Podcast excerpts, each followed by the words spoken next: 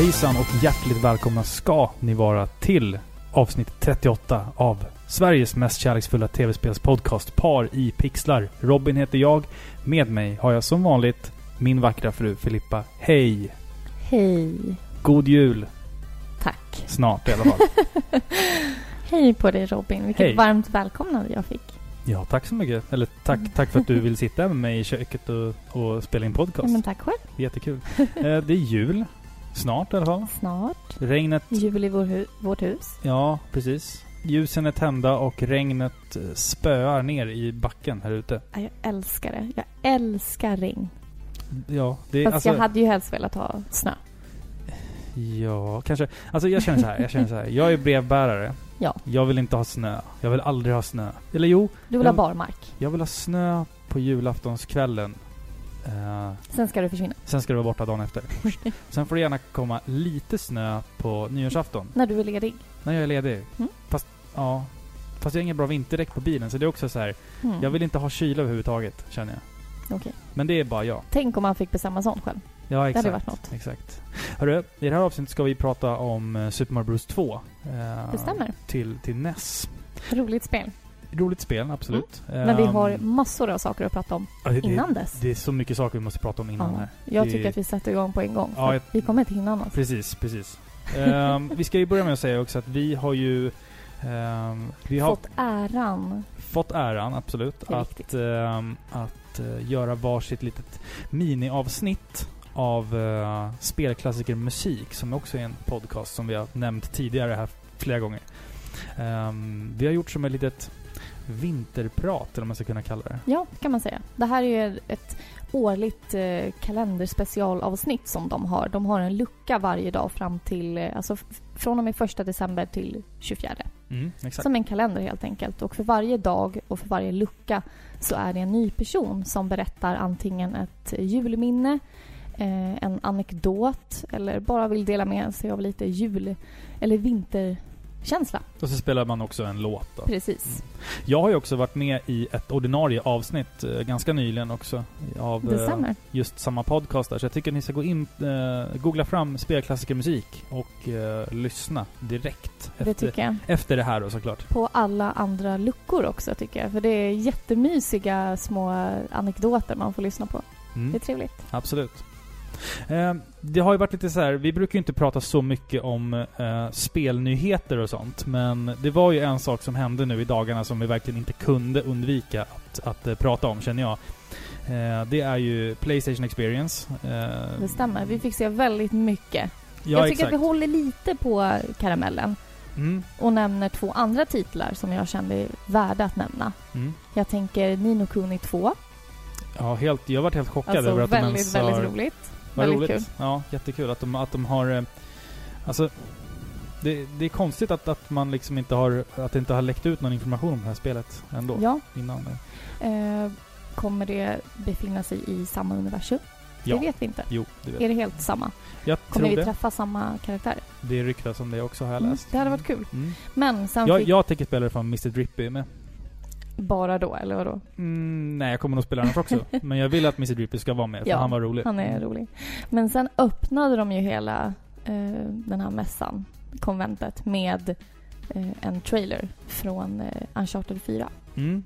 Jag har ju testat uh, betan på det här spelet Ja, nu i multiplayer. stämmer. Jag tycker Eh, det är väldigt smidiga kontroller. Jag tyckte det var, det ser väldigt roligt ut. Ja, jag gillar ju multiplayer-delen väldigt mycket i Uncharted-spelen. Uh, jag spelade Uncharted 3 multiplayer i, alltså, du vet ju Forever, ja. hur många Det som- timmar som helst. Det som är skillnaden här är väl att man nu liksom har möjligheten att svinga sig över avgrunder. Mm. Man liksom går nära en kant och då får man möjlighet att trycka på L1 vilket gör att karaktären svingar ut en, eh, ett rep Mm. och liksom tar sig över så här supersmidigt och alltså det ser lite dumt ut. Alla springer runt som apor. Mm. Ser ut som. Men det var kul alltså. Det, det jag, ser, kul ja. jag ser jättemycket fram emot ehm, spelet, eh, det stora spelet som släpps i mars. Vad snyggt det är. Alltså det, Ja, det är är väldigt- riktigt snyggt. Väldigt vackert. Um, det stora nyheten från eh, Playstation Experience när det gäller Uncharted 4 är väl att framförallt att du, att du kan göra eh, val. Som troligtvis då påverkar storyn lite grann. Just det, det är väldigt intressant Ja, hur du ska svara. Exakt. Ehm, men sen har vi då den stora karamellen från Playstation Experience är ju att vi fick se en ny trailer med lite gameplay från remaken på Final Fantasy 7 och vi känner ju att det här är ett spel som ligger oss båda två väldigt varmt om hjärtat så vi måste faktiskt prata lite om det här. Ehm, Ja, ja, men jag tycker det. Jag, helt ärligt så tyckte jag att det såg jätte, jättebra ut. ja. Eh, alltså karaktärerna såg lite, vad heter han som är lite on the heavier Pratar side? du, ja, pratar du om eh, karaktärerna i Avalanche? Uh, Ja. Biggis och Wedge och Jesse. Ja, Mm. precis. En av dem. Han såg lite comic, vad säger man? Ja, men han gör ju det originalet också tycker jag. Ja, alltså, lite okej, så här, ja. Ja. Jag vet inte vad jag tyckte om det. Men skitsamma, det Mm. var asballt att se Barrett och Barrett Jesse och och, Cloud. Mm. Cloud bara stiga in där. Han, han såg lite benig ut. Men det gör ingenting. Han är benig. ska ju vara yngre. Ja, liksom. ja, en i Advent Children tänker du på då? Alltså Ja, som men precis. närmsta referens där. Men det som folk har stört sig på, eller sagt någonting om, det är just det här med stridssystemet. Och helt ärligt, jag tycker inte att man kan förvänta sig ett Final Fantasy 7 till Playstation 1. Alltså det här är en helt ny plattform. Jag menar, det är snart 19 år sedan originalet släpptes. det, kommer det gått, hänt- det kommer ha gått mer än 20 år. Det, har gått, Mm. det kommer ha gått mer än 20 år när det släpps. Mm. Jag menar, det har hänt väldigt mycket sedan dess. Man måste utvecklas i takt, alltså i en takt som respekterar originalet. Och om de vill att det ska vara lite mer som eh, det kommande Final Fantasy 15 är, då är jag helt okej med det. Bara Mm. de liksom respekterar eh, storyn. Man måste också tänka att eh, Final Fantasy-publiken är ju en publik som aldrig går att tillfredsställa till 100% och speciellt inte i det här fallet. En remake på Final Fantasy 7 är ju otroligt känsligt. För att vissa kommer älska det och vissa kommer hata det och Eh, min, min personliga åsikt är att jag tycker det ser jättebra ut. Eh, jag är bekväm med att de har eh, ändrat om stridssystemet lite så att det påminner mer om spel som alltså Kingdom Hearts eh, ja, och sådär. precis. Och det är Eh, ju jättebra spel som är väldigt djupa. Det är ju bra invecklade rollspel. Ja, det är ändå liksom, det känns ändå fortfarande som ett rollspel på sätt och vis. Eh, sen så har de ju sagt också i någon intervju här efteråt att eh, det är ju inte säkert att det blir lika actionfyllt som Kingdom Hearts. Alltså att det kommer ändå finnas någon form av eh, Active Time Battle-mätare och, och att det liksom ändå det kanske kommer... liksom blir lite inrutat Ja, när det blir en fight. Och du har, fortfarande, du har fortfarande tre karaktärer i ditt party som du nu kommer kunna växla mellan vem du vill och, och lite sådär. Och du kommer kunna ha limit breaks och det, det kommer nog kännas ändå lite som originalet ändå tror jag. Jag tror, Jag att, tror det också. Jag tror att det, jag kommer i alla fall absolut inte bli missnöjd om, om hela spelet håller den klassen Alltså som vi fick se på trailern här, för det såg jättecoolt ut. Ta bara de nyare delarna i den här Final Fantasy 7-sagan. Mm. Om vi tar Dirge of Cerberus eller Crisis Core Mm. som ändå har liksom cinematics. Och, så de fungerar ju väldigt bra. Eh, jag tänker rent ehm, alltså stämningen i de spelen. De speglar ju samma mörka stämning som Final Fantasy 7 originalet har. Mm. Så jag menar, det viktigaste är ju egentligen inte hur många kombos din eh, karaktär kan göra eller hur många flygande sparkar han gör. Mm. Utan det handlar ju om att man vill bevara den här mörka, melankoliska eh, stämningen Ja, som exakt. Final Fantasy 7 Mm. har. Det är Ja. ett sorget, sorgset spel och det är det vi vill ha. Mm. Jag menar, ett action, lite action hit och dit eller hur du nu väljer att döda Sephiroth. Det, det borde inte spela någon roll egentligen. Bara de liksom lämnar storyn i fred.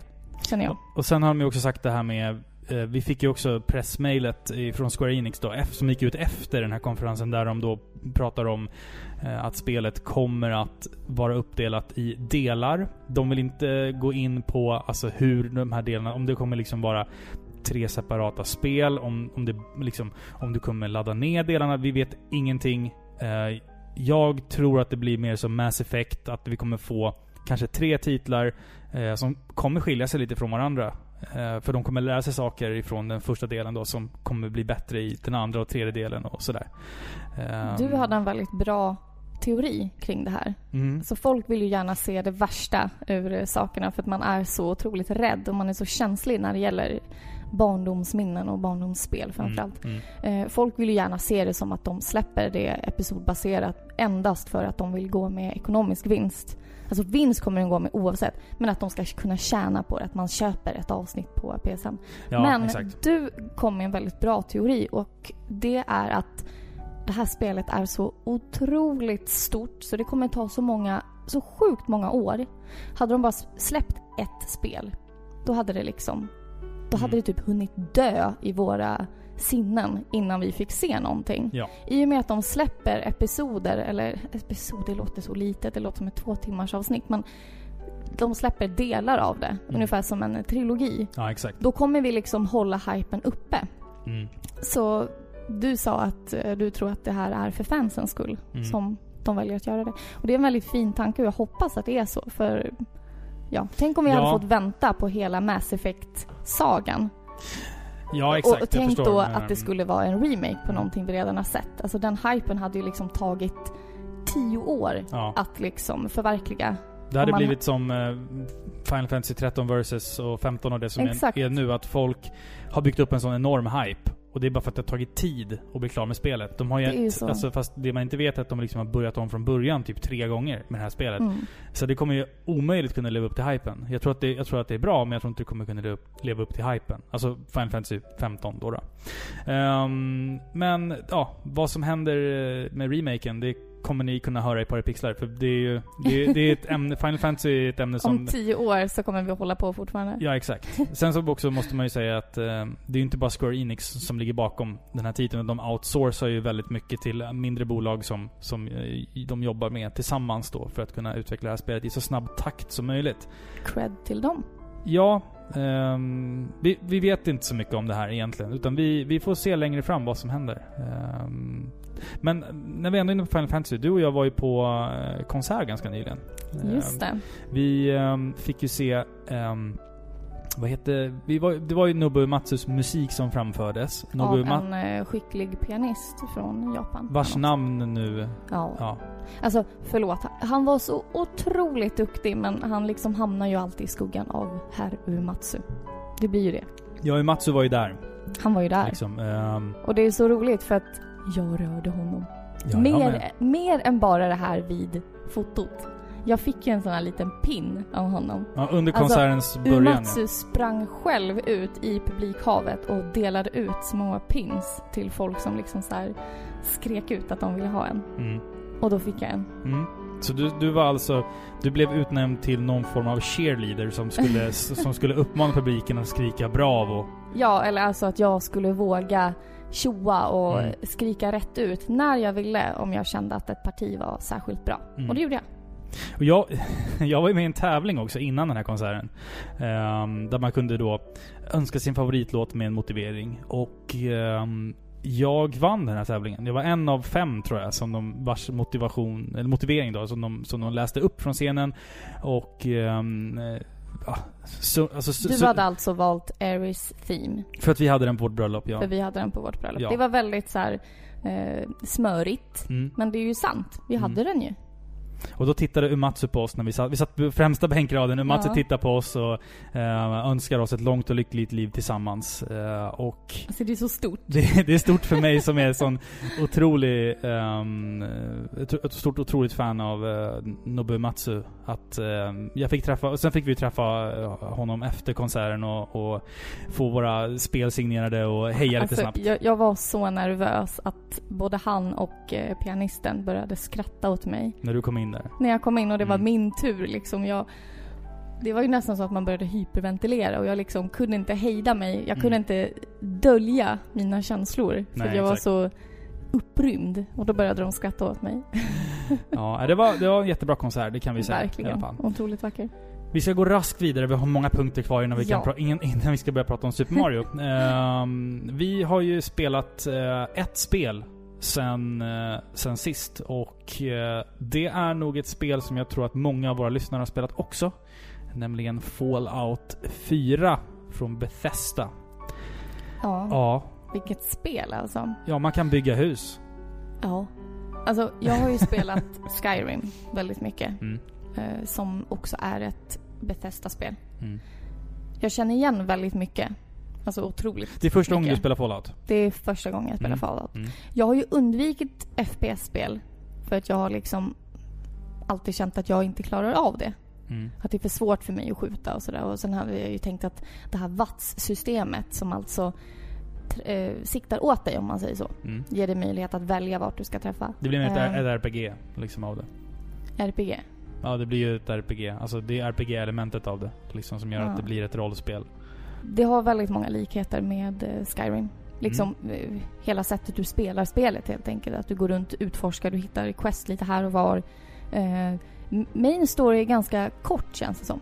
Nu har inte jag spelat klart hela main story, men jag har kommit en bra bit och jag är inte så här, Alltså, jag måste hejda mig själv och Mm. bara göra sidequest för att jag känner att jag kommer klara ut eh, main quest ganska fort annars. Mm. Men det är alltså ett otroligt underhållande spel. Ja, det är det absolut. Alltså man blir ju helt beroende. Jag gjorde som jag brukar göra när jag startar ett nytt Fallout. Det är bara att jag kommer upp, eller kommer ut i den stora världen. Sen säger jag okej, jag ska dit. Bra! Då vänder jag mig om och går åt exakt motsatt håll. Och bara upptäcker världen och...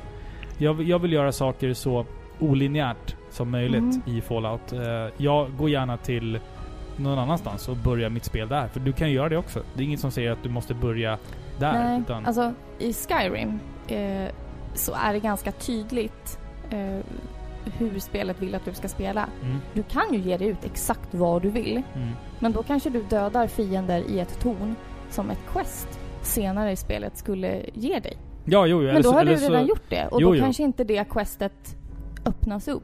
Nej. Just för att du har redan förstört det liksom. Jo, alltså en, en regel i Fallout är ju att eh, att egentligen inte döda människor överhuvudtaget som är goda. Utan för att du tänker att okej, det här, det här jag är... menar Ett, inte goda personer. nej men alltså, det, jag förstår vad du menar. Jag förstår vad du menar. Men jag, jag säger mer att man ska vara lite försiktig när man utforskar världen. För annars så kan du sabba saker för dig själv längre fram liksom. Verkligen. Eftersom jag tänkte mig Skyrim hela tiden så Mm. hade jag lite problem med att bara ge mig ut hur som helst. Mm. Eh, och jag liksom tänkte att questet jag skulle fokusera på, att ta mig till Diamond City, Mm. som är liksom det första main questet. Mm. Eh, det var ju så långt bort. Så jag liksom förstod inte att jag skulle prioritera det. Jag tänkte mer att ja, men jag håller mig väl eh, till det quest som är närmast. Mm. Men det stämde ju inte. Det var ju för svårt för mig. Ja. Så det, det tog emot lite att bara ge mig ut i vildmarken och Mm. gå lite hur som helst. Men nu har jag ju lärt mig det liksom. Mm. Och det är sjukt kul. Och det är bra musik. Ja, det är jättebra musik på radiostationerna där. Ehm, jag, må- jag har ju spelat de tidigare, eller några av de tidigare Fallout-spelen och eh, jag är helt blixt, jag blev helt blixtförälskad i det här spelet. Eh, jag tycker att det är en... eh, det är lite mindre karta känns det som än till exempel Fallout 3. Men samtidigt så är det packat med mer content och mera platser att besöka. Det är inte så mycket bara ödeland utan det är ganska mycket, det finns mycket att göra Och överallt. det är inte så grått liksom. Nej, det är, det är mycket med färger. Det är, det, det, det, är en levande värld trots att den är död, eller vad man ska säga. Eh, och... Eh, alltså... Jag, jag bara går runt och plockar på mig saker, bygger vapen och liksom så här. Åh, vapensystemet är ju typ bäst. Ja, jag Alltså älskar det är lagom svårt. Det, Ja, alltså det, det är inte så svårt alls men det är, det, det är inte Lagom super... invecklat. Ja, Mm. alltså jag älskar det. För när du väl har moddat dina vapen. Alltså ni som inte har börjat spela Fallout än. När ni gör det, satsa på att modda vapnen. Mm, när ja. ni gör det, då, då klarar... Alltså då är ni klara med spelet. ja, det blir så lätt då. Det blir så lätt då. busenkelt, Och det ja. är så roligt. Alltså ett tips är att se till att ha ett bra vapen till varje kaliber. Ja, så det säger jag typ till alla, men det är så sant. Mm. Så att man har liksom 308, 38 och 45 och allting. För Mm. att man liksom satsar på ett vapen som du har mycket ammo till. Och det var du som hjälpte mig med det. Ja, För exakt. jag Mm. kunde inte förstå varför jag skulle gå runt med ett kastvapen. tills jag liksom lärde mig att modda. Det handlar ju om att loota och spara på saker och inte, alltså och verkligen så här: okej. Kan jag ta den här killen med ett järnrör istället för att slösa bort de här fyra skotten jag har? Alltså så måste man tänka tidigt. Ja. Liksom i spelet så måste du tänka så. Det enda som jag tycker är, alltså jag tycker att det är ett fantastiskt jävla spel. Eh, Game of the year nomini för min del. Eh, det enda jag tycker är lite jobbigt är det här just med att det, det är kul att, man, man bygger ju en egen settlement, man bygger ju ett eget hem, man sätter upp eh, säkerhetssystem och, och liksom, det flyttar in folk i din lilla by där. ja, alltså det är typ The Sims. Jag Ja, exakt. Det är som The Sims. Eh, det är... Det kan vara kul. Ja, men jag har kommit så pass långt att, det, att main storyn tvingar dig till att bygga saker. Eh, och Jaha. det tycker jag känns tråkigt. För att jag vill inte gå runt och leta efter en sån här sak när jag bara vill komma vidare i storyn. Liksom. För jag har utforskat världen så pass mycket nu att jag känner mig... Jag börjar känna mig lite klar med spelet. Eh, jag vet inte hur många timmar jag har spelat. Jätte, jättemånga timmar. Jag börjar känna mig färdig. Jag känner som att jag har utforskat nästan typ det mesta som man ska utforska. Eh, men sen nu så sitter jag fast på main questet för att jag saknar en... Eh, någon, någon, någon form av... Ehm, elektroniskt kretskort som, som finns någonstans. Liksom. En komponent som jag måste ha för att kunna bygga en grej, helt enkelt. Jag tänker inte spoila någonting. Ehm, Men alltså är det en jättekomplicerad grej du ska bygga eller är det bara typ en generator? Nej, det är en ganska avancerad sak. Men Okej. eh, komponenten jag behöver är ganska vanlig. Men jag hittar inte någon sån nu när jag springer ut och letar efter den. Som när Ehm, jag inte hittade några skruvar och bara fick fnatt. Ja. Jag gick runt och liksom dödade Deathclaw så du gick runt och samlade skruvar. Du, du har ju spenderat lika mycket tid att bygga hus som jag har spenderat att utforska världen Alltså typ. jag har feng shui i mitt hus. Ja, jo jag visst. har en bar. Jag, jag pratade med min chef om det här med att bygga hus. Han bara Ja men jag har byggt ett trevåningshus och sen så har jag en sån här Nuka-Cola-automat där nere. Och så går jag och samlar på så här Nuka-Cola Quantum, så lägger jag dem i mitt kylskåp så här. Mm. Ställer fram Jag lite vet. mat så här. Jag bara, jaha. Ja, jag, käk. jag är ute och dödar Deathclaws ute i, i Ja, The men- Glowing Sea. Men, Alltså jag, jag är ju ute och gör quests också Ja. såklart. Men då och då så har jag ju samlat på mig så mycket skit. mm, Så jag måste ju åka hem och modda vapen Mm. och eh, eh, fixa lite. De och som- då passar jag på att fixa i huset. de som bor i din by, de ser dig komma över bron och bara nej nu kommer hon. Så kommer du bara, bara öser ut så jävla skrot. så bara skruvar och plåtbitar jag har bara, byggt hus åt dem också. Ja. Så färdiga så skithus bara.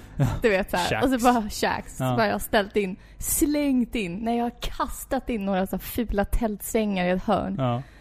Bara för att de ska bli nöjda. Samtidigt sitter jag i min så här, lyxvilla med Nuka Cola, Mm. maskin och bar, biljardbord och jag har el. Det har inte de. Du, du har ström och de, Ja. de får leva på rutt, Jag bara, jag bara skickar dem äpplen. eh, till att eh, utföra så här, bördor mm. och så här, massa jobb. Jag skickar Mm. dem till att eh, eh, bruka jorden så att de får mat. Men Mm. jag gör ingenting. Vi kanske kommer tillbaka till Fallout 4 i senare avsnitt. Vi har, vi har, vi har varit med om rätt mycket roliga scenarion i det här, Ja. det här alltså när vi har spelat det här spelet. Så att eh, vi, vi kanske kommer tillbaka till det. Ehm, Men, men jag tycker att vi ska gå vidare med kommentarer. ja, vi ska gå vidare med kommentarer, absolut. Eh, vi har fått... oj, Från förra avsnittet från förra alltså. avsnittet alltså. Ehm, sen har vi fått några kommentarer angående Super Mario Bros 2. Men det tar vi då, som alltid. Ja, exakt. Som vanligt. Ehm, vi har fått jättemycket kommentarer. Men vi har fått två stycken... Dum, dum. Så lät det typ Två som. stycken vi ska Vi är läsa. jätteglada. Ja, vi är jätteglada. Alltså det, jag, jag, det, det, det är jävligt kul att få kommentarer. Det är ju typ det bästa vi vet. Men nu vart det så himla många, så jag ser på datorn här framför mig att det är, det är så himla, himla många. Jag kommer få läsa så mycket. Men det gör ingenting. Men vi har fått två kommentarer då, eh, från förra avsnittet, som vi ska läsa upp nu. Den första är från Jens Benz. Det, är ett, det, det är ett roligt namn. Undrar om han heter Benz i efternamn? Vad tror du? Ja. Nej, jag vet inte. Jag hoppas det. Vad- Heter, Vad heter han så här? J-E-N-Z Nej. B-E-N Jens Benz. Det hade varit coolt. Det låter som en bil. Jens Benz. Ja. Mercedes-Benz. Ja, det är bara därför. Han skriver i alla fall Hej! Hittade er podd av en slump på loading igår. Har redan lyssnat på ett par avsnitt och jag älskar den. Ni får mig att minnas och bli nostalgisk. Känslan är fantastisk. Tack till er. Vad kul! Ja, Vad tack, roligt. tack till dig Jens för att du lyssnar. Tack så jättemycket. Är det något vi vill, då är det ju att folk ska få en bra känsla. Mm. Vi vill inte sitta här som några överpretentiösa stolpskott som leker spelkritiker och bara sågar allt de ser. Utan vi vill ju ge er lyssnare en bra känsla. Mm. Det här spelet vill jag spela. Åh, Mm. det här spelet påminner om min barndom. eh, Mina julaftonar eller mina midsommar eller Mm. vad det nu kan vara. Ja, exakt. Men också det här... uh, Hmm, jag har funderat på att köpa det där spelet som släpptes Precis. förra veckan. Vad tycker ni om det? Är det någonting jag ska investera 600 kronor i? Det är klart vi sågar om vi verkligen tycker det. Men alltså rent generellt så är vi ju ganska varma av oss. Mm. Och vi rekommenderar både gamla och nya spel. Så att, Ja. Så vad Mm. kul att du har Ja, men att du tycker det och bekräftar att, eh, att det är så det är. välkommen ombord skulle jag vilja Ja, säga. verkligen. Eh, vi har också fått en kommentar av Grillkirre. Alltså, nu vet vi det. Grillchipset. Ja, grillchipset. Man Ehm, måste älska det. De. Alltså, det, jag gillar grillchips, men någonting jag inte gillar det är såna här, heter de vikingschips? Vickning. Vickning. Alltså är det, Jag är vet. det, är det ett namn eller är det liksom en typ av chips? Alltså förstår du vad jag menar? Vadå ett namn? Ja, men ja, alltså, det här är, vicknings... Nej, ja, chips. ja, men jo, exakt. Va? men är det det? Alltså, eller är det liksom, alltså grillchips? Jag heter vickning. Nej. Men vad Robin. betyder vickning då? Ja, Men det låter ju mer som ett verb. Ja men vad betyder det? Eller vänta. Det är det jag menar, det måste ju vara ett namn på någon. Nej. Det är inte som så här Robins chips. Gustav Vasa chips.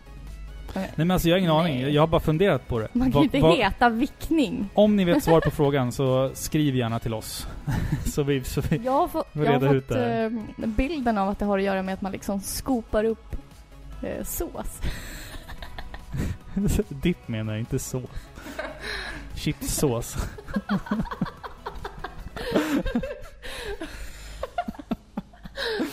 Okej, okej. Hörru, vill, du- vill du höra vad han skriver i alla fall? ja. Ja, Grillkirre skriver i alla fall. Rekommenderar ni en sån där Retron 5? Och eh, ja, det gör jag. Det Eller tycker vi. jag. Om man har alltså många äldre spel. Mm. För jag menar, har du bara kanske eh, Super Mario, du kanske har All-Stars och du kanske har något, eh, ja, jag inte, något Street Fighter eller Mm. något sånt där. Eh, då kanske det räcker med att du har din gamla konsol. Mm. Men då skulle inte jag lägga alltså 1 och 7 på en helt ny konsol. Nej. Om det inte är så att du har en hel, hel samling med både Mega Drive och du har Game Boy och du har NES, SNES, alltså Famicom. Då är det ju liksom en investering. Mm. Annars är det inte det. Nej, jag jag är lite inne på samma spår. Eh, det är supersmidigt, det är, det är en eh, strömkabel, det är en HDMI-kabel. Bilden blir superkrispig. Eh, du kan spela typ nästan alla retro, eller inte alla men eh, väldigt många retro-spel, konsoler eh, på, på den här. Eh, du kan koppla in vilken kontroll du vill. Eh, du kan save-stata, du kan ta screenshots, du kan ladda spel från SD-kort. Du kan göra vad fan du vill egentligen. Enda nackdelen är att kontrollen är sjukt eh, plastig. Den, som, den som du får till ja. Ja, Mm. den är liksom sådär, den ger ifrån sig ett ljud så fort du liksom tar den. Så, Som ett musklick ungefär. ja, ja, Mm. exakt. Hela tiden. Och det nej, det gillar jag inte. Nej, men annars är det alltså en Ja. väldigt bra... Eh, Du kan välja att köra med originalkontroller. Ja, alltså precis. Gamla NES-doser och sånt. Det är bara att koppla i liksom. Men det, det blir superkrispig bild och eh, bra ljud och, och sådär. Och det, det är snyggt. Du slipper alla gamla maskiner. Jag har lagt... Alla mina gamla konsoler har fått gå i pension nu för gott. Jag kommer köpa Retron 5 framöver. Ja, jag fick en liten rap där i halsen, förlåt. Um, hör du, Mm. Snart ska vi ju prata Super Mario Bros 2. Äntligen. Efter, ska se hur, många, hur länge vi har hållit på här. Vi har hållit på i cirka... Oj, ska vi se här. 25. En halvtimme har vi pratat. Det är därför det är bra att vi skriver Ja. alltså vilken tid Mm. eh, man ska hoppa till. Vilka minuter man ska hoppa till. Om man... ni vill skippa det här fantastiska Ja. samtalet. Mm. I alla fall. eh, en sak är ju glasklar och det är att varken du eller jag gillar dubstep. Ja, det... Det låter liksom eh, som krig, Mm. tycker jag. Ja, vi är ju ganska musikaliska båda två när det kommer till eh, Ja, men ganska så insnöade på typ metal. metal och klassisk bara. musik och, Ja. och spelmusik och sånt. Ehm, men vi hittade faktiskt en ascool uh, dubstep-version på uh, ledmotivet till Super Mario Bros 2.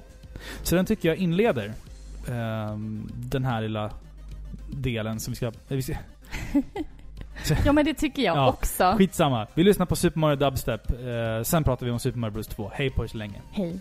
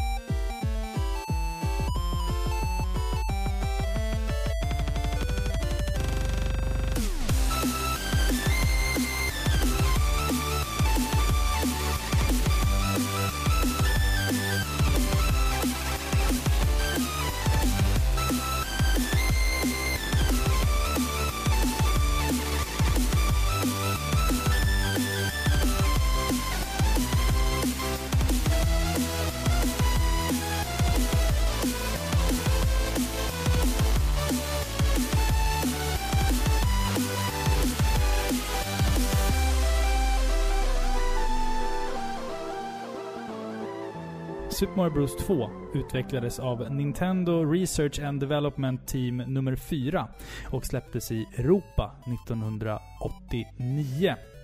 Um, ehm, det som många redan vet om det här spelet är ju att den versionen av Super Mario Bros 2 som vi fick i USA och Europa skiljer sig väldigt, väldigt mycket från den versionen som eh, alltså som släpptes i Japan då på The Famicom Disk System. Um, den origin, alltså originalversionen av Super Mario Bros 2, den japanska då, är ju väldigt lik Super Mario Bros. Ehm, det tyckte inte eh, Nintendo of America eh, var speciellt kul för att det var mycket, det var bara som det första spelet fast mycket, mycket svårare. Eh, man valde då att ta ett annat spel som hette Yume Koji Doki Doki Panic och eh, skinnade om det och bytte ut karaktärerna då till Mario, Luigi, Princess Peach och Toad. Fast det är inte Peach. Det är Princess Toadstool. Princess Toadstool. My bad. Jag ber så mycket om ursäkt. Ehm, och eh, ja, sen släppte man det och eh, det mottogs väl med blandad kritik i, i ehm, USA och Europa. Det, alltså det, är ett, det är ett Super Mario-spel. Plattformsspel. Ehm, men den största skillnaden är väl egentligen att du, det första du märker är att du, hoppar, du vill hoppa på den första fienden du ser. För det är så du är van vid att besegra en fiende i Super Mario Bros. Men du landar på fienden och ingenting händer. Alltså den, den fortsätter att gå. Så att här får du då lära dig att istället för att hoppa på fiender, eh, landa på dem, plocka upp dem och sen kasta dem.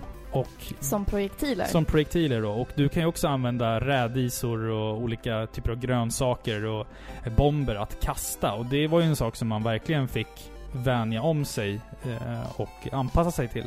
Och jag tänkte, det, det, är en spänn, det är en väldigt spännande historia. Jag tänker inte gå in så mycket på djupet kring just alltså Doki Doki Panic, utan för mig så är Super Mario Bros 2 det här som vi har spelat. Eh, för det är så jag tänker tillbaka på det när jag var liten. Att det, det här är mitt Mario 2, även om det egentligen inte är den riktiga Super Mario Bros 2. Doki Doki Panic, är det svårt att få tag på? Ingen aning faktiskt. Det hade varit kul att få testa. Ja, exakt. Jag vet ju bara att det är ju Fuji Television i Japan då som hade någon form av festival eller någonting liknande. Och, eller något expo eller vad fan det var. Och sen då så gjorde man det här spelet eh, med deras maskotar då som någon promotion-grej eller någonting. Jag är inte helt hundra på det här. Um, det finns jättebra dokumentärer på Youtube man kan titta på om man vill veta mer om mysteriet kring det här spelet då. då. Eh, det riktiga Super Mario Bros 2, alltså det som släpptes i USA och ansågs vara för svårt. Det släpps i Japan. Ja, i Japan. Mm. Just det. Mm. Det släpptes aldrig i USA. Just Nej.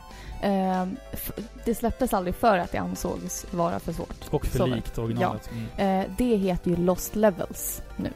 Ja, den finns på Super Mario Precis, All-Stars och då på heter den Lost Levels. Ja. Så om ni vill spela den så är det dit ni ska söka er. Super Mario All-Stars på Ja. Super Nintendo. Mm. Men jag tänkte prata lite om handlingen, för det finns trots allt en, en liten handling Mm. i de här spelen. Och jag säger de här, för jag tänkte att jag, jag jämför lite med Doki Doki Panic och Super Mario Bros 2. I Doki Doki Panic, då får man se hur två barn sitter och läser en saga tillsammans. Eh, när en monsterhand plötsligt dyker upp och kidnappar de här två barnen. Och deras familj hör hur de eh, ropar på hjälp och hoppar in i den här sagan. för Ja, de att barnen, dem. dras, barnen dras in i boken. Ja, liksom. precis. Eh, I Super Mario Bros 2 är den inte lika avancerad om man säger så, men det är vissa likheter. Eh, du eh, spelar antingen som Mario, Luigi, Toad eller prinsessan Toads, Toadstool. Och ni ska rädda drömlandet Subcon, som är då en liten ordlek med subconscious. Ja. Nu Eh. spoilade du hela slutet.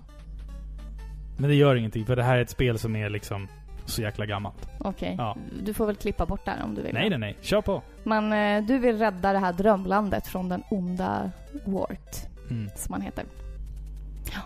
Vad, hände Där med igen. vad hände med Bowser? Ja, men han försvann. Han fick inte vara med i det här spelet Nej. eftersom det är ju byggt på ett annat spel. Mm. Och vi diskuterade lite igår. Eh, jag tycker att hela det här med att man liksom... Eh, att man undviker att släppa ett spel i ett land för att man liksom anser att det skulle vara för svårt. Det, det kan jag tycka är lite... Att det är lite konstigt. För jag menar, så är det ju inte egentligen. Skulle man släppa ett spel som liksom får ryktet om sig att vara svårt då skulle ju folk, då skulle ju fans mer ta åt sig den här utmaningen och känna att ja, men de skulle ju liksom lyckas och bli riktigt, riktigt bra. Ja, men det är menar, som alla spel som är svåra nu, Mm. både moderna spel som har fått rykten om sig att vara svåra. Vi har Demon Souls, Dark Souls som är liksom så här ganska Alltså det tar lite tid innan man får liksom grepp på det. Mm. Och gamla spel, typ Ghosts and Goblins eller Battletoads, de har ju blivit riktigt kända på grund av att de är bra och de är svåra. Så jag menar att de vägrar att släppa ett spel enbart för att man tycker att nej, det här är för svårt för de dumma amerikanarna och västlänningarna. Det är lite skumt. Men jag tror att det, är en, det där är nog en sak som har ändrats genom åren, tror jag. Jag tror att idag så görs det svåra spel och folk älskar det för att de gillar att skryta med, med det på Precis. YouTube, att de klarar det liksom. Exakt. Jag tror att det mer, jag tror, men jag tror att det var annorlunda då. Nintendo of America var ju rätt på att som då, ja, i- alltså japanska versionen, första du stöter på är en svamp. En lila svamp och den dödar dig. liksom. Så Ja. att det är ganska skoningslöst. Det är ungefär som, att, alltså det är ungefär som de banorna vi ser idag i Mario Maker. De är Exakt. helt liksom, skoningslöst svåra, många av dem. Ja. Ehm, men eh, det första som slår en då, som vi redan har nämnt här, det är att när du, när du kommer ner... Alltså, det första som märker är att du... Första banan, första som händer att du faller ner från den här dörren och faller neråt. Och det är... Alltså det, det var ju häftigt, tycker jag. Ja. För att normaltvis är man ju van vid att man bara kan Man gå... går från sidan. man går från sidan. Här kan du ändå röra dig liksom i... I luften. I luften, dimension upp och ner och inte Mm. bara liksom höger. Eh, och sen så finns det också det här att om du, om du lämnar skärmen åt höger, då kommer du in från skärmen åt vänster. Precis. I, just under de här delarna när du liksom tar dig uppåt. Eh, det är liksom... Det är något som du verkligen kan använda som en värdefull strategi också. Verkligen. Och det första gången man märkte det, man bara såhär shit, vad fan, jag kan ju gå ut där och så kommer jag in där och så kan Mm. du ta dig runt vissa saker. det är det liksom. som är lite drömaktigt. Ja, exakt. Men jag tänkte faktiskt gå till några scener innan. Mhm. Alltså det här är ju, jag måste ju bara nämna, om, det här säger jag ju även i min, eh, den här kalendergrejen. Mm. Men alltså, ja men det här är ju det första spelminnet jag har. Eh, De första minuterna in liksom med den Mm. här glada och trallvänliga musiken och när man får se alla karaktärer som du ska få välja mellan och det är liksom draperier, röda draperier i eh, bakgrunden. Så det känns lite som att man liksom tittar på en pjäs. Ja, exakt. Och det, och det bidrar även till den här drömkänslan. Ja, och det är sprallig musik och som vi ser där också. Vi har ju mer än en karaktär, eller vi har ju mer än Mario och Luigi här utan vi har ju även vi har ju fyra karaktärer att spela som. Och alla de har olika egenskaper. Ja, det, det blir ytterligare en ny dimension till spelet också. Att du kan ju... Du måste hitta din favoritkaraktär och, och Och liksom... spela på ditt sätt. Ja, och det finns ju bara en karaktär som är bra. Eller hur? Ja, alltså för mig är det ju Toadstool. Ja, det är samma sak här. Det, ja, ja, alltså det, det går inte att spela som en annan karaktär. Och det än- hon kan göra det är att hon liksom kan sväva när hon hoppar. Och vissa andra, Luigi han kan ju liksom hoppa långt Mm.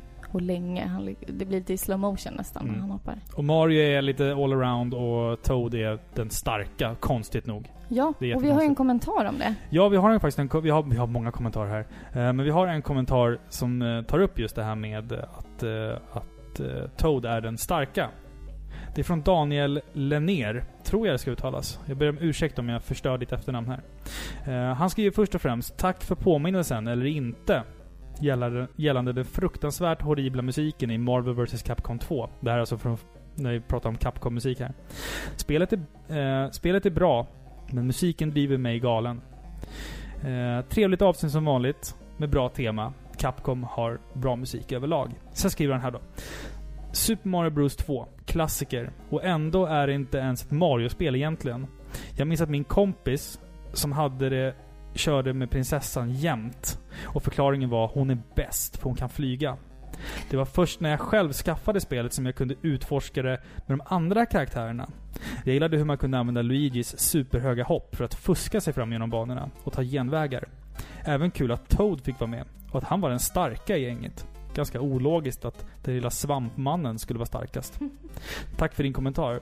Ja, och det är Ehm. faktiskt en rolig eh, alltså, observering. Absolut. absolut. Observation. Mm. Att, eh, att det är han som är den starkaste. Ja, det är lite märkligt. Men eh, de var ju tvungna att liksom, vem annars skulle de välja? Ja, vi, har, vi har svampriket här. ehm, ja, Toad får väl vara den starka Ja. här. Men det är väldigt roligt för att eh, det gör att man kan spela det här spelet på så många olika sätt. Mm. Och, eh, ja, man, alla har liksom sin favorit. För alla har spelat det här spelet. Mm. Det är så kul. Och jag, jag känner lite att... Uh, sättet jag spelar det på, det är att jag spelar med Peach och sen så är det nästan bara muskelminne. Jag typ minns vart allting finns. Jag minns... Ja, fast nu ljuger det lite. Fast du har... Du, säg så här, jag minns typ de första banorna, men du minns längre än mig. Du, när vi kom några banor in, då började mitt minne att så här, jag kommer inte ihåg vart jag hittade den här nyckeln. Men du säger, ja men den finns i den där krukan om jag du går ner vet exakt vad varje rova innehåller. Ja exakt, och det är det... Om det är en bomb eller om det är en eh, rotfrukt eller om det är en flaska. Jag blev ju väldigt imponerad av att du liksom hade så bra koll. Även ganska långt in i spelet så visste du att ah, men du ska kasta eh, den här glas eh, eh, ekolven där borta för att få upp den här Flaska. dörren. Vad sa du? Flaska. Flaska, ja. Ehm, Ja, alltså det... Vi kan ju inte prata Super Mario Bros 2 utan att nämna just det här stridssystemet. Om Mm. man ska ge det ett flashigt namn. Alltså, man kan ju kasta rotfrukter eller Mm. eh, rädisor eller vad det är på fienderna. Och de liksom sticker upp lite här och var som eh, små grödor som Mm. du liksom plockar upp och kan kasta som vapen. Eh, ibland så dyker det även upp power-ups i de här eh, rädisorna. mm. Ehm, och har du tur så dyker det upp en flaska. Och det här är någonting som ger det här spelet en ytterligare dimension om man får säga det så. Eh, för när du kastar den här flaskan eh, var som helst, eh, då dyker det upp en röd dörr. Går du in i den, då hittar du en spegelvänd skuggvärld ja, av den mör- världen, den mörka den världen. mörka världen. Mm. Ja, jag tyckte Eh, den var skitläskig när jag var ja. liten. och där är liksom så här allting så lågmält. Eh, och den här flaskan den kan du ta med dig och placera exakt var du vill. Och eh, oftast är väl tanken att du ska placera den vid en rad med såna här rädisor då, eller rovor. För när du går in i skuggvärlden så blir de mynt. Mm, Och de mynten samlar du på dig för att senare liksom kunna spela någon form av eh, Bonusspel efter varje bana. Ja, och liksom få chansen till eh, extra liv. Där har jag en som fråga. Aldrig går. Nej, Man jag- kan jag aldrig fråga få där. tre i rad. Det är skitsvårt att få tre i rad på den här slottsgrejen där. Men ibland så kan du få typ så här två stjärnor och en shy guy. Och då är det så här, ja ah, du var ett extra liv. Man bara Man bara, okej. Du-du-du-du-du. Det är så märkligt. Det, ja, det är Är- inte logiskt Är det, någon, alls. är det någon som vet varför man ibland bara får ett extra liv på random på den där? Alltså, jag vill ändå påstå att jag vill ändå minnas att jag hade ett system och att jag liksom lyckades få tre i rad Med timing på sådär. All-Stars-versionen. Ja. Mm. Så frågan är om det kanske är lättare då. Men jag vill bara säga att det är även så här, alltså med hjälp av flaskorna, som man varpar i det här spelet. Mm. Alltså tar du med dig den här flaskan och placerar den vid ett, eh, oftast är det ett rör, Mm. typ som en kruka ser det ut som. Ja, det är en kruka. Och så går du in i eh, den här eh, skuggvärlden Mm. och så kryper du in, eller går ner i krukan i skuggvärlden. Mm. Då varpar du. Det, det är så jävla häftigt för att oavsett liksom så här, det här spelet är så gammalt.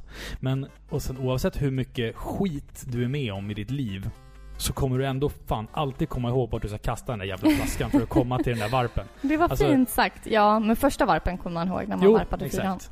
Men det är liksom så här, vad som än händer i ditt liv. Har du spelat Mario Bros, Mario Bros 2 mycket som barn, då kommer du att komma ihåg. Ja, det sitter liksom. i fingrarna. Och jag tycker det här är en sån trevlig detalj. Alltså det här gör spelet så, alltså till ett flerdimensionellt spel. För det blir mer än att bara ta dig från punkt A till punkt B. Alltså Mm. från vänster till höger. Utan här kan du verkligen... Alltså du, du känner att du vill samla på dig saker och du Mm. vill liksom forska, eller utforska hela banan för att se exakt var du ska sätta den här flaskan till exempel. Mm. Jo, för Men du, du, kan ju, du, du kan ju liksom gå tillbaka i banan. I, I det första Mario-spelet så var det ju... Hade du gått några steg, då kunde du inte gå tillbaka. Nej, det frös men, liksom. Men, men det här är ett spel som tillåter dig att utforska banan hur du vill. Liksom att bara, "Ah, men jag ska nog gå tillbaka till det där stället och kolla där borta. Då kan du göra det. Eh, och sen så har du ingen timer heller. Och det är ju också bara en sån där grej att du är fri att utforska banan hur mycket du vill. Precis. Och det tycker jag är, det är väldigt, eh, det är väldigt rogivande för du kan liksom strosa runt där och lyssna på den här härliga musiken och, och liksom bara uh, alltså, utforska och hitta hemligheter. Det, Precis. det, jag gillar det. Liksom, friheten. Annan, en annan sak som det här spelet gör rätt, det är själva bandesignen tycker jag. För jag Mm. menar, det är ett vanligt plattformsspel. Men det är väldigt varierat och alltså, Man tänker ett simpelt plattformsspel. Ja, vart kan det gå fel? Jo, ganska många ställen kan det gå fel Mm. när man gör ett plattformsspel. Man måste se till att liksom gubbens, alltså kontrollerna känns bra. Eh, hoppen känns liksom välkalibrerade och jag menar det blir väldigt svårt framåt slutet. Mm. Eh, men jag tycker att det här spelet har en svårighet som liksom känns balanserad. Mm. Ehm, Men banorna framförallt är väldigt balanserade tycker jag och svårigheterna som varje bana för med sig. Till exempel i början, då startar du på en sån här typisk grön, Tropisk eh, plats liksom. ja men det, Mm. det är bara gröna kullar liksom och Mm. Så jävla mysiga alltså. Så Ja, det är väldigt mysigt. mysigt. Men sen kommer du till en öken till exempel. Svårigheten i det, det är att du sjunker ner i kvicksand Mm. om du står för länge. Eh, du kommer till en vintervärld och där ligger svårigheten att det är is. Mm. Så du glider ju runt. Du har underjorden. Eh, det är en massa läskiga fiender. Du har Torn med kedjor du ska klättra på, Precis. spikar. Eh, och du har molnvärlden. Så jag menar, det är så varierat med olika typer av Mm. utmaningar. Och det tycker jag är väldigt bra designat, för jag menar, det sker i en balanserad takt. För ta till exempel första, man gång, första gången man möter den här Birdo, Mm. som är en fiende som skjuter ägg. Ja. Då ska du fånga ägg, du ska liksom landa på ett av äggen, fånga det och kasta det på henne.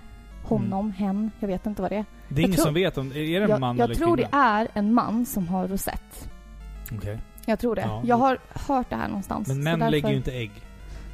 Nej, men den lägger ju inte ägg. Den typ spottar ägg. Jo men men- äggen kommer ju ifrån det här. Ja, men det är något, det är något sånt där. I den tecknade tv-serien så porträtteras ju hon som en kvinna i alla fall. Ja, men jag har fått, jag har det här i bakhuvudet någonstans. Mm. Jag vet inte Men varför. jag känner igen det Men- också alltså. I alla fall, första gången man möter Birdo, då skjuter ju hen ägg. Mm. Men några banor in, då liksom skjuter den två ägg och så tänker du att nu kommer det tredje. Nej, då kommer det ett himla eldklot istället. Mm. Ja, Mm. det tycker jag är bra. Ja, men det är det jag gillar, att det är liksom, det, utmaningen växer Ja. ganska Ganska, påtagligt. ja, Mm. precis. Men det är ändå en bra takt och den tar liksom välkända element som du har bekantat dig med och sen Mm. bara liksom punch you in the face med något nytt. Ja men ju- just det här också att du liksom kan röra dig mer än bara liksom rakt fram. Du kan gå uppåt och neråt. Vissa banor ska du ta dig upp, vissa banor ska du ta dig ner genom att gräva. Vissa banor ska du ta någonting där och sen gå tillbaka. Eh, vissa banor ska du ta en nyckel och bli jagad av den här jävla läskiga masken. Du, den är nog, alltså den har jag nog traumatiska minnen Ja. från som liten. Ja, Fy vad läskig den är. den har funnits i mina mardrömmar många Ja. gånger. Jagad av Alltså, en jävla mask. För er som liksom. inte vet vad det är, alltså man kommer till ett ställe där du, eh, du, du hittar en nyckel. Det ser ut som en så här klassisk dagboksnyckel. Ja visst fan gör det det. Eller hur? Ja, Eh, och du plockar upp den på samma sätt som du plockar upp allt annat. Mm. Rovor eller fiender. Helt plötsligt så börjar en av tre teatermasker i bakgrunden att röra på sig och bli arg. Så den börjar jaga dig och den liksom flyger ut ur bild och kan dyka upp exakt var som helst. Mm. Och släpper du ifrån dig nyckeln, då liksom försvinner den. Mm. Och du kan även kasta nyckeln som ett vapen. Men det är läskigt för den är så snabb så man liksom släpp den, släpp den. Men jag gillar det också att just, det är liksom en nyckel. En nyckel har ju en funktion, den ska låsa upp en dörr. Men även här kan du använda den som ett vapen, om det skulle behövas. Ja, du kan ju till och med kasta fiender på fiender. Jo, exakt. Och jag tycker att det... det ehm, det är jävligt coolt. Jag läste någonstans också att det här spelet från, var ju tänkt från början då, alltså Doki Doki Panic, var tänkt att vara liksom någon form av kooperativt eh, tvåplayerspel från början. Och så att alltså, jag kan bara tänka mig vad häftigt det hade varit om du hade kunnat springa runt i den här världen som två stycken samtidigt. Vad coolt, Vilka det möjligheter det jag. hade funnits liksom.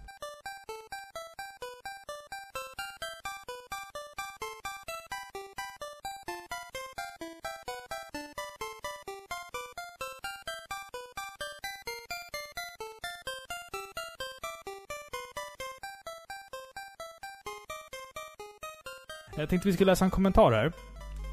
Ifrån eh, Andreas Jan Fredrik Mellberg. Han är inte lika positivt in- inställd till det här spelet. Mhm.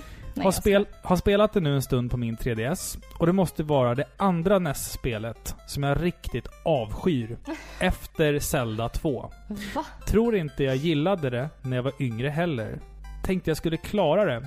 Men risken finns att jag bryter sönder konsolen innan jag lyckas med det. Dålig kontroll, repetitiv musik och allmänt förvirrat Mario-spel. Tack, tacka vet jag Super Mario World. Tack för en grym podd i övrigt. Tack så mycket för din kommentar. Tack så mycket. Det är lite uppfriskande med såna här kommentarer också, för att man ska inte svälja allt med hull och hår liksom. Nej, det, det är det som är så kul att eh, det är, det är ju verkligen en smaksak. Liksom. Det är ju det. Det här spelet är ju ett spel som jag skulle ändå vilja säga att 90% eh, verkligen tycker om och sen 10% tycker bara att det är fucking weird. Eh, jag, jag tycker om det väldigt mycket. Eh, det är inte mitt favorit Mario-spel, långt ifrån. Men jag, jag tycker ändå liksom att eh, det, är ändå, det är ändå ett väldigt bra spel. Nu sa ju han visserligen att han hade spelat det som liten, men jag Mm. tror att mycket av de Alltså mycket av det här positiva vi känner inför det här spelet, det är tack vare att vi har vuxit upp med det. Ja, nostalgiskt. Ja, Liksom. Och jag menar av, nu tänker jag såra många, men av 1, 2, 3 så är nog tvåan min favorit. Mm, ja, jag tycker trean är vassare. Alltså trean är ju trean. Super Mario Bros menar- 3 kommer alltid att vara Alltså, den är ju trean, coolaste liksom. spelet Men- någonsin typ. Jag gillar det här spelet så ofantligt mycket. Jag tycker det är så häftigt. Mm. Och visst, det är repetitiv musik, men det är så bra musik så det gör ingenting Nej, exakt. Alltså precis den är det. så bra. Det är tur att låtarna är bra liksom. Alltså det var ju något musikspecial som jag valde just den här äh, låten från Character Select. Mm. För man är så van vid de här, den här eh, musiken. Och man Mm. lyssnar ju bara på den i typ högst 10 sekunder. Du vet den? Ja, exakt. Mm. Dun, dun, dun. Ja, men när den väl kommer igång efter 20 sekunder, Mm. då är den ju riktigt bra. Ja, det blir, den spårar ur helt. Den spårar ut och bara... Så när ni spelar det här, ni ska välja karaktär, eh, låt den skärmen vara uppe ett tag till och lyssna på Ja. hela låten. Den, Den är, är den är cool. Ja. jätteflippad. Jag tänkte vi skulle läsa en till kommentar här som verkligen är helt motsatt den som vi precis läste. Det är Roger Nilsson eh, som säger att Super Mario Bros 2 är det Super Mario-spel som ligger mig varmast hjärtat. Yay. Det är ett spel som jag har klarat ut hundratals gånger. Det har hjälpt mig när jag har mått dåligt och det hjälper mig fortfarande att må bättre de dagar jag saknar min dotter som värst, när det är mammavecka. Mm. Kan inte riktigt sätta fingret på varför jag gillar det så mycket egentligen. Kanske är att det skiljer sig så mycket från de andra spelen i serien. Kanske för att Peach är badass, eller för att designen är ganska flippad, både på miljöer och karaktärer. Hur som helst så är det ett spel som jag alltid bär med mig, i glädje och sorg. Puss på er. Vad fint. Ja, En jättefin kommentar faktiskt. Och jag menar, han sätter ju fingret på egentligen varför... Alltså varför det är som det är. Mm. Eh, det här är ju ett... Det här spelet är en vattendelare. Ja, Jag menar- absolut. Och o, anledningen till att folk gillar det här spelet så mycket, det är nog samma anledning till att folk ogillar det. Det är att det är så annorlunda från de tidigare och de andra Mario-spelen. Ja, alltså, det, Det är ju ett helt annat spel. ja, det skiljer sig ju både från det som var innan och det som kom efter. Men Ja. Samtidigt så är ju ändå, eh, så har det ändå blivit så att Super Mario Bros 2 etablerade ju fiender och karaktärer som sen återvände i senare spel. Exakt, det är ju en erkänd del i serien. Ja, exakt. Och hade vi inte fått det här spelet, då hade vi ju aldrig fått Shy Guys eller liksom Birdos eh, eller andra fiender Precis. liksom. Eh, Och ganska legendariska fiender. ja men exakt, påstå. de är ju en stor del. Alltså De Shy Guys här. Shy Guys är ju en otroligt stor del av Mario-universumet idag. Du, du ser dem i varenda jävla Mario-spel. Mario Mm. Kart och allting. De finns ju där liksom. Och det var ju tack vare det här spelet som, som, som de liksom får existera. Det är sant. Och... Eh, det, alltså Super Mario Bros 2 är ju ändå också... Det alltså den här tecknade... ehm, Super Mario Bros... Super Mario Brothers Super Show. Jag tycker vi lyssnar 10 sekunder på den låten bara. With the Mario Brothers and plumbing's a game. We're not like the others who get all the fame. If your sink is in trouble, you can call us on the double. We're faster than the others,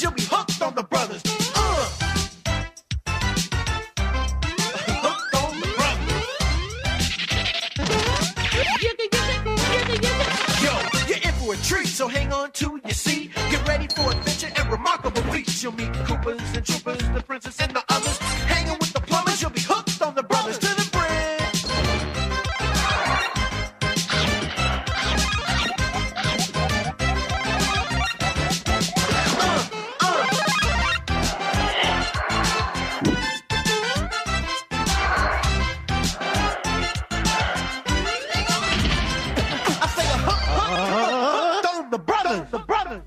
Fint. Ja, I den tv-serien så har du ju eh, då karaktärer ifrån just eh, Super Mario Bros 2. Mm. Liksom. Men då har du ju ändå Bowser som... ehm, fiende. Fast han typ har en massa Shy Guys under sig. Så att där blandar de liksom. De blandar Super Mario 1 och 2. Jo men det, det ska ju vara samma universum liksom. Mm. Och jag menar, tvåan kommer ju undan med väldigt många saker i och med att det ska vara en drömvärld. Mm, exakt. Liksom. Jag har en nackdel, Mm. en dålig grej med det här spelet. Och det är egentligen ingen... Alltså, det är egentligen ingen nackdel. Det känns som att jag får bara finna mig i det. Och det är liksom att... Alltså i och med att du inte bara färdas från vänster till höger utan du kan även gå upp och ner. När du färdas uppåt till exempel i bild, då Mm. går inte det här bytet från ena bildrutan till den andra. Det går aldrig så smidigt till. Den scrollar inte utan den, Den- byter skärm. Den Ja. byter skärm Mm. och det gör att om du liksom måste hoppa upp till nästa skärm och du kanske missar den där plattformen, då liksom byter du och så uppe, nere, uppe, Mm. nere och det blir jätteförvirrande och jag menar, det, jag har väl helt okej, det är väl helt okej att det är så. Mm. Men det som gör att det blir svårt, det är ju placeringen av fiender. Ja, Ibland är det som att spelet vill att du ska hoppa rätt in i en fiende bara för att du liksom inte ser vad som är ovanför dig. Och då känns det som att placeringen bara är elak. Ja, exakt. Alltså, ja. jaha, okej, nu förlorar jag halva mitt liv Men på grund av det där. inte, inte det jag har för mig. Nu kan jag bli hängd här för att jag har fel. Men jag har för mig att är det inte så att eh, Nessen har problem med den typen av scrollning när du scrollar uppåt? Vi får... jag vi vet får eh, faktiskt inte, men jag kan tänka mig att det är så att det kanske alltså, funkar smidigare på andra konsoler. Ja, ja vi, får, vi får höra med våran, eh, våran, eh, våran vän och kollega Stefan eh, Ganser. Han har ju bättre koll eh, Den mig. eviga ledaren Ja, exakt. svarar på alla våra frågor. Han har ju väldigt mycket koll. Han kommer säkert ha hittat fem eller sex faktafel i det här avsnittet så Ja. långt. Men det gör ingenting för att... det eh, uppskattar vi. Det är jättebra att man får lära sig. Ja, exakt. Exakt. Tack Ehm, Stefan. Just det, apropå den här tecknade tv-serien också med Mario. Eh, Det fanns ju två stycken tecknade serier där. Eh, Jag tyckte att i den svenska översättningen, i alla fall på den versionen som jag hade på video när jag var liten, då hette han inte Bowser, inte Koopa, han hette Kung Krut. Man bara va? Va? Så, va? Kung Kunde han inte Krut? he... Alltså, det låter ju som att han har ga- det, låter som, det låter som att han har gaser liksom. Ja men det gör ju det. Alltså det, det skulle ju mer passa typ ett... Eh, så nu bara svänger jag med konstiga termer. Men typ där en piratkung kanske. Ja, Kung Krut. Ja. Ja. Men han hette Kung Krut i den versionen som... Alltså varför inte Koopa? Det är ju inte Mm. svårt att säga det på Eller svenska. Bowser liksom.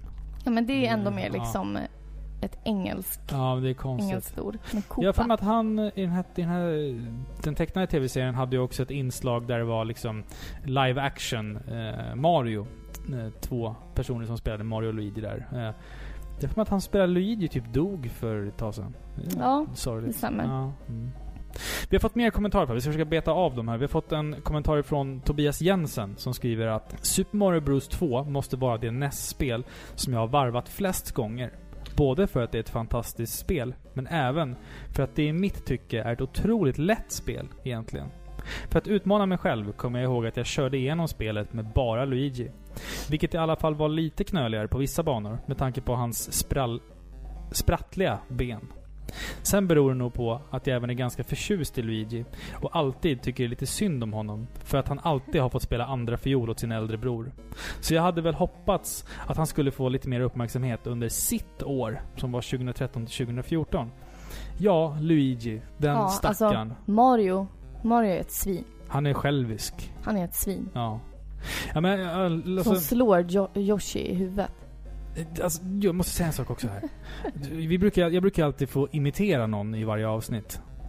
Du vet, jag har gjort det lite... har inte varit en grej. Nej men det, det, det får bli en grej nu. Jag ska det imitera. Dagens imitation ska vara av eh, Charles Martinez eh, Luigi. Mm. Han låter så här. Mamma Mario, mamma Mario. Creepy alltså. Ja. Och sen har Mario är It's me, Mario! Men, medans, medans Luigi är mer liksom Mamma Mario, Mario. Ja, det är lite Han- synd om honom. Han har ju, han, ja. Han är en sidekick. Han är en sidekick med någon form av nervsjukdom. För han ser alltid så jäkla nervös ut. Eh, nej. Men jag, alltså jag, jag kan hålla med. Jag tycker lite synd om Luigi. Eh, han, jag har inte spelat så mycket som Luigi i Super Mario-spelen genom mina år. För det har varit min lillebrors roll. Det är oftast lillebrorsan eller lilla, så. småsyskonen som får spela som Luigi. Ja, vi har lite mer kommentarer Ja, här. men tack Ja, tack, tack så Tack så jättemycket mycket, för kommentaren Tobias. Ehm, vi ska också, vi har ju fått en kommentar faktiskt ifrån vår eviga ledare. Stefan Ganser. Han skriver... Jaha, han han kommentera? Han har kommenterat. Oj, Ja. oj. Hej Paripixlar! Super Mario Bros 2 är ett av mina favoriter till NES. Det är ett annorlunda spel från ettan.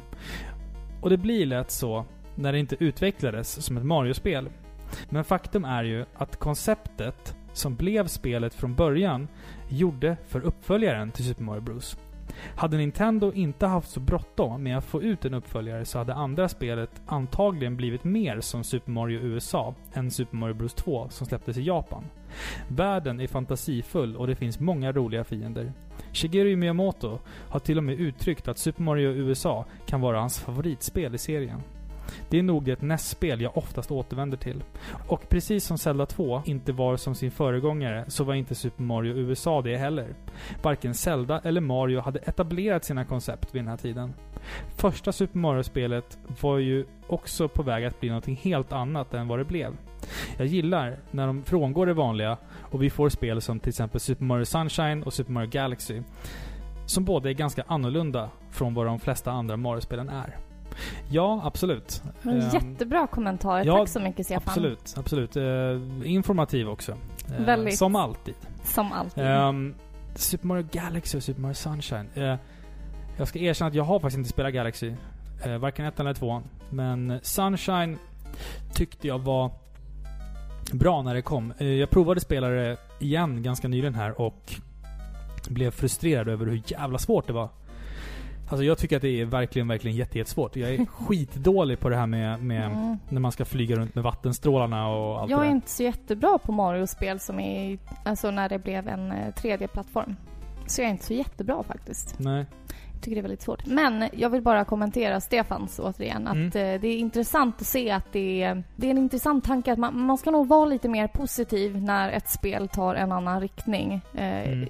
För att de liksom inte hade etablerat sin, eh, sin image Mm, ännu Mm. på den här tiden. Mm. Jag visste inte att det var exakt så det var. Att det var just därför de kunde liksom komma undan om man vill säga så. Mm. Men eh, jag tycker det är viktigt att man liksom försöker se lite mer positivt när nya spel tar lite nya vändningar. För vi kanske får Liksom, Om Mm. 15 år så kanske det är liksom nya klassiker. Jag har ett jättebra exempel på, ehm, på, på just en sån här sak. Om vi tänker Castlevania-spelen. Ett Där bra har, exempel. där har vi ju, det första Castlevania är ju gå från början till slut, använd din piska, döda fiender, that's it. Castlevania 2 inför ju någon form av rollspelselement. Där du liksom levlade och Du måste handla saker, du måste prata med utforska, gå tillbaka till Precis. samma plats alla flera quests. gånger. Sen försvann ju det där i trean. Men sen så kom ju de här elementen tillbaka sen till de här Game Boy Advance-spelen och Symphony of the Night till exempel. Och att man, man tog tillbaka ett level-system. Eh, du får utforska fritt, du kan gå fram och tillbaka, upp och ner. Det är just det att en, en, ett, vad som kan ses vara ett snedsteg kan ju också leda till någonting mycket, mycket bättre längre fram. Hade vi inte fått Simons Quest Castlevania till exempel så hade vi inte fått Symphony of the Night heller, tror jag. Nej, precis. Så man ska inte liksom... Eh, man ska inte måla fan på väggen som man säger. Nej. Och det gäller även Final Fantasy 7-remaken. Ja, exakt. Vi, vi behöver inte gå in på det, men det är väl ganska självklart. Det Absolut. är ganska självklart.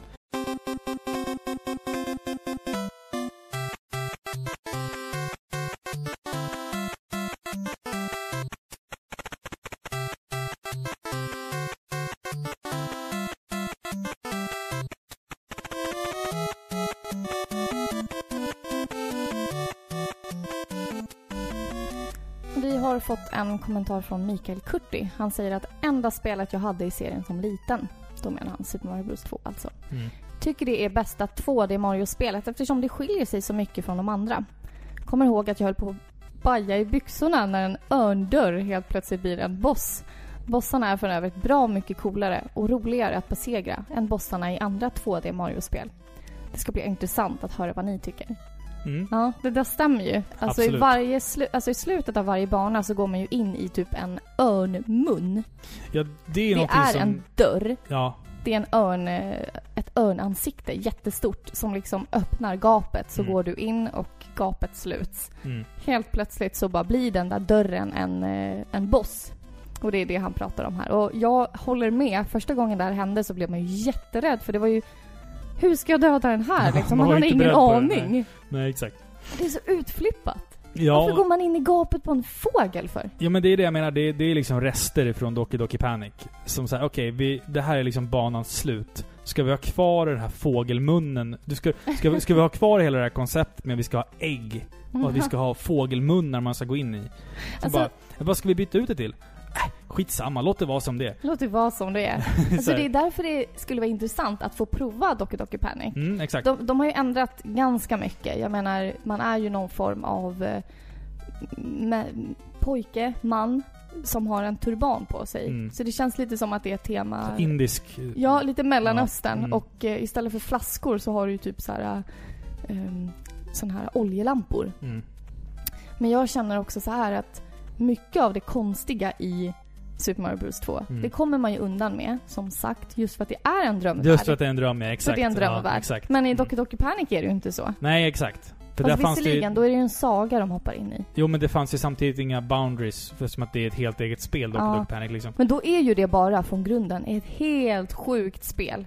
Super Mario Bros gjorde i det här spelet vad man kallar för... Eh, oj. Är, är det en Dallas eller är det en Days of Our Lives? Där... Jaha, Ja, men du alltså... vet såhär, jag ska förklara här kort. Ja. Många känner till det här. Det finns någon såpopera, jag vet inte om det är... Jo men det är Days of Our Eller Life. Glamour kanske det. Att allt visade sig vara en dröm. Ja men det är så här, en karaktär dog i den här serien för att han ville inte I vara... början av säsongen. Ja, för att han ville inte vara... eh, han vill, nej, det var, alltså det här var ganska långt in i serien. Han ville inte vara med i serien längre. Nej så, men alltså det är början av den nya säsongen. Ja, exakt. exakt. Mm. Ehm, och han ville inte vara med i serien, så han bad då uh, manusförfattaren att döda hans karaktär. Ehm, och mycket riktigt, det hände. Han hoppade av serien, hans karaktär dog. Och sen så gick det så här, alltså det gick typ så två säsonger av den här serien. Och sen så kommer den här skådespelaren tillbaka och bara Jag ångrar mig, jag vill vara med i serien ändå. Och då förklarar man, och sen är han tillbaka igen. Och då förklarar man det genom att bara Nej men de senaste två säsongerna var en dröm. Så att vi kommer undan med allt det där. Hur kan man göra så? Det Det är är, så som att spotta weird. sina fans i ansiktet. Ja, men alltså hur kräsna är den publiken då? Det är liksom, någon har klibbat in ka kameralinsen med, med smör och sen så är det två personer som... Ja, allt glänser. Och sen så vänder de sig ifrån varandra och har monologer.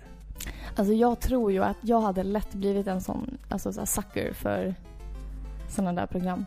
Ja men det vet vi att du redan är. Ja, men jag, du, du gillar... Men inte sånt. Nej. Jag är ju mer, alltså jag, min guilty pleasure det är ju typ så här reality-tv. Du älskar ju Jag Housewives-grejerna. älskar Housewives. Jag har koll på vad alla heter. Det är vidrigt. Och det som är roligt är att man kan ju, man behöver inte se alla avsnitt. Man kan ju bara hoppa in och så är det någon ny intrig varje gång. Jag älskar Kyle. I vadå för någonting? Housewives of Beverly Hills. Ja, okej. Alltså jag förstår inte, jag förstår liksom inte nöjet med att se en grupp unga snygga människor bara tycka illa om varandra. Men det, de gör ju liksom allt man inte ska göra. Så det, man får ju typ en lektion i vett och etikett. Jo men när ska, Och jag bara sitter och gottar mig i hur, hur blåsta de är. ja, men när ska världen inse att det här är skriptat? Det finns manusförfattare som Jo, jobbar sånt På samma sätt som du tycker, du blir äcklad av hur de beter sig. Mm. Så blir jag bara så här. Alltså jag, det triggar mig. Jag Jo. känner att det här är så roligt. Men tycker du att det är lika spännande alltså, om, om du nu vet att det liksom är Men, en men det manusförfattare? är inte så svartvitt. Jag, men det kan, jag människor- kan lite mer om det här än du. Ja, okej. Ja, ja, jo, visserligen. Ja. Skitsamma, vi skulle prata om, vi skulle prata om Super Mario här, inte jävla Housewives. Eh, Vi har fått en sista kommentar och det är från Joakim V Andersson. Jag är glad att jag fick detta spel som Super Mario Bros 2 istället för det som Japan fick. Detta spel tog det vidare genom att introducera fler karaktärer att spela som. Alla väldigt olika från varandra. Jag tycker det är synd att man inte tog vara på det när man gjorde de här multiplayer-spelen på senare år. Spelade dock mest allstars-versionen. Men vad jag minns så är det ingen skillnad mellan det och originalet, förutom grafiken. Minns att svårighetsgraden blev riktigt rejäl framåt slutet. Så jag har bara spöat slutbossen kanske en eller två gånger. Och vilken twist-ending det var. Jag tycker att det här spelet, den här kommentaren tycker jag summerar egentligen eh, mina intryck av spelet. Ja, men jag vill säga en sak att det är, det finns en skillnad Mhm. mellan, alltså om du spelar All Stars eller eh, originalet. Sparfunktionen eller? Nej, jag Nej. tänker hennes hårfärg. Ja, de har ändrat den va? Alltså Princess Toadstool är ju från början brunett Mm. i alltså det spelet som släpptes till USA. Alltså Mm. Super Mario Bros 2 Mm. USA eller vad det heter. Mm. Men sen i All Stars-versionen så är hon blond. Mhm. Det hade jag faktiskt ingen Eller jo, nu när du säger det så jo. Det ringer en Jag har klocka. vuxit upp med en blond Toadstool. Kan någon förklara för mig, finns det tre prinsessor eller finns det två prinsessor? Daisy och Peach. Är Peach och Toadstool samma? Det här ska vi ta reda på. Det här ska vi ta reda på i realtid. Mm. Vi avslutar med att eh, av- avsluta den här podden genom att ta reda på det här. Där. Mm. Princess Toadstool. Filippa googlar för fullt här. Det står så här. Princess Peach. Eller japanska. Peachy Hime. Eller Princess Toadstool. Det är alltså förmodat att hennes fulla namn är Peach Toadstool. Ah. På svenska kallas hon även prinsessan Flugsvamp. Mm. Nu har Det är lärt att- något nytt. Det är för att hon är prinsessa i Mushroom Kingdom. Mm. Ja. Vem hade inte velat vara det för en dag? Ja. Det, hade jag gärna varit. Ja, men då blir man ju kidnappad. Jag, jag vet inte. Frågan är, det- måste man ha klänning? För jag passar ju inte i klänning. Alltså jag... eh, Jag hade nog hellre velat ha en svamphatt. Och så är man ju stark, Mm. har vi fått lära oss. Mm. Så... När jag var liten, då klädde jag och min bror ut oss till Super Mario. vi, vi gjorde det. Hade ni blåa hängslen och... Ja, ja, ja. Jo, men, eh, nej, men vi klädde ut oss till eh, Super Mario när vi var Ja, men små. ni klädde ut er hela tiden. Vi- Det var till Link eller Mm. Robin Hood var det, det var samma sak. Det var samma dräkt ja. Och Mm. Robin... Nej, vad säger jag? Eh, Super Mario... Sor Zorro. Sor ja. Åh, Zorro. Fan vad den här rebooten med Antonio Banderas förstörde min barndom när den kom. Ja, men Jag var, jag ju van vid den här gamla skitserien som gick på femman där, men... Eh, nå, någon gång på Paripixlars eh, Instagramkonto kanske jag lägger upp en bild när jag är Zorro. När jag Ja, är, an- vi får annars är jag det. Nej, jag, alltså jag är barn när jag är utklädd Zorro, jag är inte vuxen. Det, det vore bara weird. Men eh, Zorro är, en det var för tre år sedan. Zorro är en glömd hjälte. Ja. Men jag... Vet alltså- du en till glömd hjälte? Nej. Fantom. Men han var ju aldrig varit tuff. Men han var ju sjukt stor. Eh, Det är så här, För Ja. sin generation Ja, var för han sin generation, stor. absolut. Men det är så här. Fantomen, vad har han? Vad har han? Han har typ en cool ring. Ja, och sen då? Batman, han är liksom... Han har en cool dräkt med massa olika utrustningar. Han kan kasta så här Ja, hookshots men och vet du grejer. Fantomen? Han har en blå spandexdräkt med så här tigerkallingar. Vet du varför den är blå? Nej. Därför att det var för dyrt att trycka lila färg. Skulle det ha varit lila? Mm. Den är lila i spelfilmen och, och på gammal artwork och sånt. Mm. Men det var för dyrt att Men den är eh, inte rosa trycka. som He-Man. Nej, He-Man är en, ja. Men det jag skulle säga är att när vi pratar om just det här hjältar, Zorro och allt det där. Det är under tiden jag spelade Super Mario Bros 2 som mest, när jag var liten. Det var jag såg på Zorro och jag spelade Super Mario Bros 2. Det är liksom... Det, jag gjorde säkert det någon jul där. Och det är, det är ett varmt minne hos mig. Det här spelet väcker Mm. ju många nostalgiska ehm, minnen i, i mig. Och man blir nästan lite... Lite rörd när man tänker på... Börja inte gråta. Nej, jag ska inte börja gråta. Men jag tänker liksom, som jag sa tidigare här, att man har varit med om så mycket saker i sitt liv. Ehm, positiva och negativa saker i sitt liv. Och man har varit med framförallt om så mycket. Sen man satt som en liten pojke och spelade Super Mario Bros 2 första gången. Och lärde sig vart man hittade och liksom svampar och mynt. Men det spelar liksom ingen roll när man väl får sätta sig framför det där spelet igen. Ja, och det, det är så... Jag ser liksom mig själv som en liten pojke i min blåa fåtölj på mitt lilla pojkrum med min så här lilla, fan var det, 11 tums TV. Som knappt hade färg liksom. Ehm, och det, det är lite det som jag tycker det här spelet är till för. Och jag, liksom, julen är till för att minnas också, känner jag. Blev det här del två av ditt vinterprat nu? Det blev lite så. Och jag, ja, nästan. Jag blir, jag blir väldigt varm och nostalgisk när jag tänker på det Ja, här spelet. men det är ett jättefint spel. Mm, ja. Och jag tror att de flesta har spelat det. Ja. Om inte så tycker jag definitivt att ni ska köpa det. Paripixlar rekommenderar. Ja, men jag undrar även om någon av er lyssnare har spelat originalet. Mm. Alltså Doki Doki Panic. Skulle ni vilja rekommendera det till oss? För Mm. jag skulle jättegärna vilja få tag på det. Så alltså, om ni har något varmt att säga till om det eller, eller om det är bara skit liksom. Ni Mm. får jättegärna komma med lite egna tankar. Jag menar, Mm. det är roligare att höra vad någon säger, en, en egen åsikt, än Mm. att bara liksom se ett klipp på YouTube Mm. om eh, skillnaderna liksom. Men i alla fall, Parapixlar rekommenderar Super Mario Bros 2. Ja, men det gör Eh, vi och- verkligen. Det var ju faktiskt ni lyssnare som eh, röstade fram det här spelet som uh, Det tycker jag spela var ett bra val. Eh, och vi kanske återvänder i framtiden med lite omröstningar om vilket spel ni vill att vi ska spela. Och kanske så tar vi någon av de andra spelen också. Mm. För det är bra spel. Ja, absolut. Jag vill absolut. spela Castle of Illusion. Mm, det kanske kommer någon gång. Ja, det Vi kanske gör. Ehm, Hur som haver. ja, vi är väl ganska klara. Ja, och nu ska jag sätta mig... Nu ska jag bege mig in i the way, Commonwealth. Åh, jag satt med och redigerade det här, det kommer ta för alltid. Ja, men, men eh, men eh, vi hörs i alla fall. Vi hade tänkt att vi ska släppa ett avsnitt till innan, innan året är slut i alla fall. Där Mm. vi summerar lite Paripixlars år. Ja, vi ska sitta här med skumpa och fin kostym och ha som Mm. en liten så här årlig eh, eh, bankett. Ja, exakt. Priser ska delas ut. Eh, Vi ska och- hålla tacktal, Ja. vi ska skåla. Ja. På riktigt, det tycker jag vi gör. Jag Ja, tycker vi vi har lite skål här. Vi kan sitta liksom. här i... Du kan ha festklänning på dig och jag kan ha Ja. kostym på mig. Och, Och så, så liksom håller vi lite fest. ja. Du får, inte bli, för, du får året. inte bli för full bara. För det blir så konstig stämning då. Jag blir lite... Du blir så våldsam då. Så. Ja, men du, du, du blir väldigt... När du blir full blir du väldigt så här. Nej. Du, men ja, men du, du känner inte till din egen styrka. För du, är du, du är ganska smal men ganska stark när du är full. Okej, nu blev det jättekonstigt här. men det är sant. Alltså. Ja, ja, skitsamma. Ja, Hörni, tack så jättemycket för att ni har lyssnat. Eh, gå in på facebook.com paripixlar.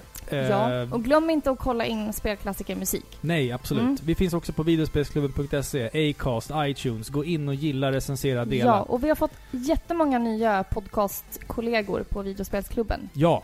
Så gå in och kolla där också. Mm. Nu beordrar jag er. Mm. Mm. Gör det nu. Nu. Nu.